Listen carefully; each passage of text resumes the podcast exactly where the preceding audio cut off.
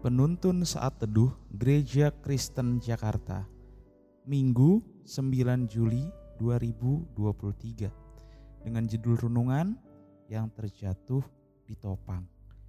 Diambil dari Mazmur 37 23 sampai 24 Tuhan menetapkan langkah-langkah orang yang hidupnya berkenan kepadanya. Apabila ia jatuh tidaklah sampai tergeletak, sebab Tuhan menopang tangannya. Pernahkah saudara melihat ketidakadilan di sekitar saudara? Apa yang saudara rasakan dan bagaimana saudara merespon? Raja Daud mengawali Mazmur 37 dengan satu kalimat yang tegas tentang bagaimana respon yang seharusnya dalam menyikapi ketidakadilan. Janganlah marah karena orang yang berbuat jahat.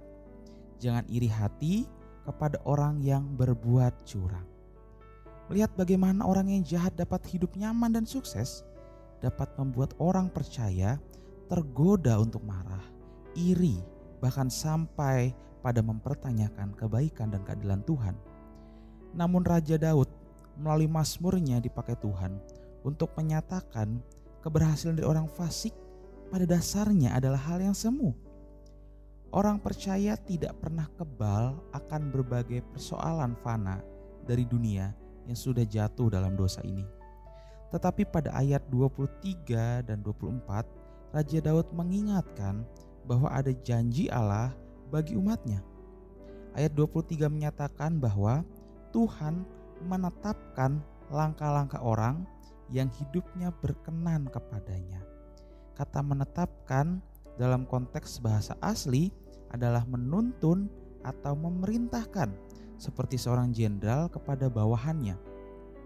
Pada sisi lain, kata orang yang hidupnya berkenan dalam konteks bahasa aslinya sebetulnya tidak ada indikasi baik atau berkenan di dalam kata tersebut. Kata Gever dapat dimengerti sebagai seorang prajurit.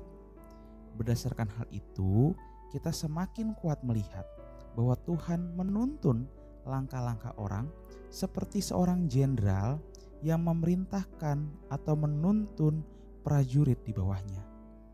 Namun ia bukan hanya menuntun saja, ia aktif dan berinisiatif untuk menolong umatnya yang terjatuh. Tidak sampai tergeletak dan binasa, sebab ia sendiri akan menopang tangan umatnya. Umat Allah yang mengikuti tuntunannya Allah tidak kebal terhadap segala kesulitan dan ketidakadilan dalam dunia ini. Sama seperti penggambaran seorang prajurit yang mengikuti perintah dan tuntunan dari atasannya masih dapat terjatuh. Namun janji Tuhan bahwa meskipun ada kesulitan dan ketidakadilan serta berbagai penderitaan yang umatnya alami, ia tidak akan tinggal diam. Tangan Allah sendiri yang akan menopang umatnya dan ini merupakan suatu janji yang digenapi dalam diri Kristus. Ia yang adalah Allah berinkarnasi menjadi manusia untuk menggenapi janji itu. Sehingga dalam segala penderitaan dan ketidakadilan yang umatnya alami tidak membinasakan sebab lengannya yang kekal menopang umatnya. Dalam genggaman kasih karunia, Bapamu selalu menopangmu dan ia masih akan terus melakukannya.